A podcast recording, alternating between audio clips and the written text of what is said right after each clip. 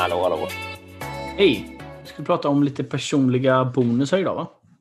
Ja, jag lyssnade på en sån rolig människa som heter Bjarte Bogsnäs häromdagen.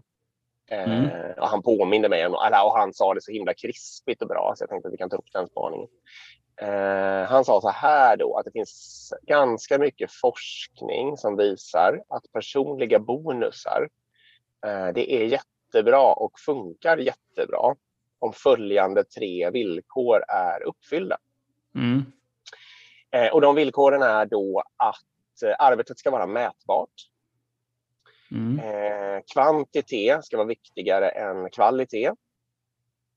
Mm. Och om arbetet inte är motiverande i sig. Mm.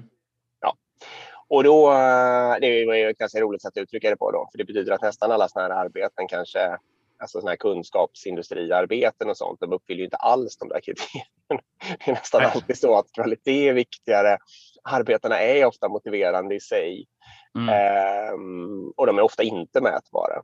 Ehm, och ändå så är det massa gammaldags företag som envisas med att ha personliga bonusar. Mm. Ehm, vilket då inte fungerar och leder till dumma beteenden och sådär. Ehm, så min, jag vill egentligen påminna om det.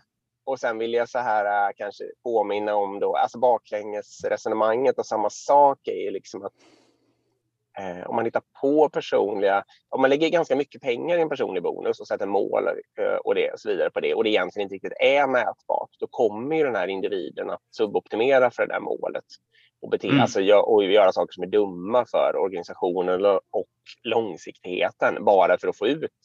Det kan ju vara flera hundratusen eller ändå mer. Liksom. Eh, och det är ju helt livsfarligt.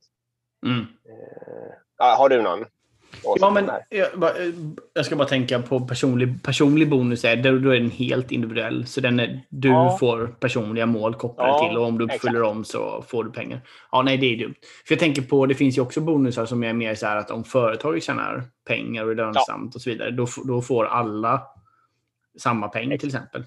Det, det är väl en bonus. Ja, men det tycker jag väl är bra. Liksom. Varför inte?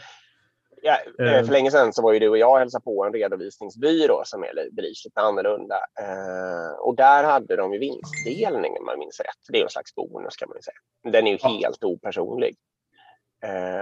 Precis. Och, och, och, precis, och, då, och det pekades ju också ut som den fördelen, den stora fördelen med det att då vet ju alla, eller alla väl inte, men många, den tenderar då att intressera sig för hur det egentligen går för firman totalt. Liksom, och och man optimerar för firman långsiktigt, eller hur? Man optimerar ja, och man, exakt. Inte, långs, inte nödvändigtvis långsiktigt i och för sig. Man kan ju optimera för det året. Då.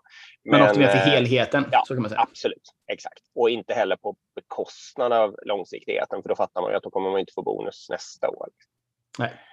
Eh, nej men verkligen. Så det är väl, det är väl ehm, kan jag absolut acceptera att alltså sådana vinstdelande eller som eh, bonusar som baseras på hur hela firman går. Det, det kan ju verkligen fungera.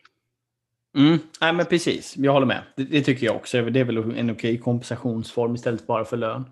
Men det man borde göra antagligen istället är väl att ha, alltså bara höja lönerna istället för folk så de är motiverade. Jo. Ja, Istället för att hålla på med de här, alltså lägga alla de här bonuspengarna istället bara på att lägga på lönerna. Och då skulle ju såklart den traditionella säga att ja, men vad händer om företaget gör massor med förlust och då har vi massor med höga löner. Men du vill ju antagligen ha massor med smart folk med höga löner när ni har förlust för att kunna vända ja. Om man tänker så. Jag kan väl möjligen tänka mig om man hade någon business som var väldigt eh, volatil, alltså att den verkligen gick olika bra från år till år. Liksom. Sälj tänker jag. Eh, Ta sälj. Ja, kanske. Då kanske man inte vill binda upp för mycket pengar i fasta löner. Ja, kanske lite logiskt.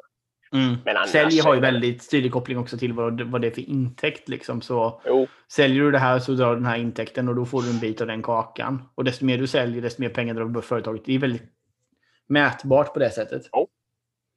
Men eh, sälj har ju väldigt ofta bonusar och väldigt ofta så leder ju de till att varje säljare suboptimerar ju liksom, eh, ja, se, alltså för att sälja så mycket som den kan göra och tänker inte alls på helheten och vilka affärer som egentligen är mest lönsamma. Nej, den risken finns ju. Så är det ju.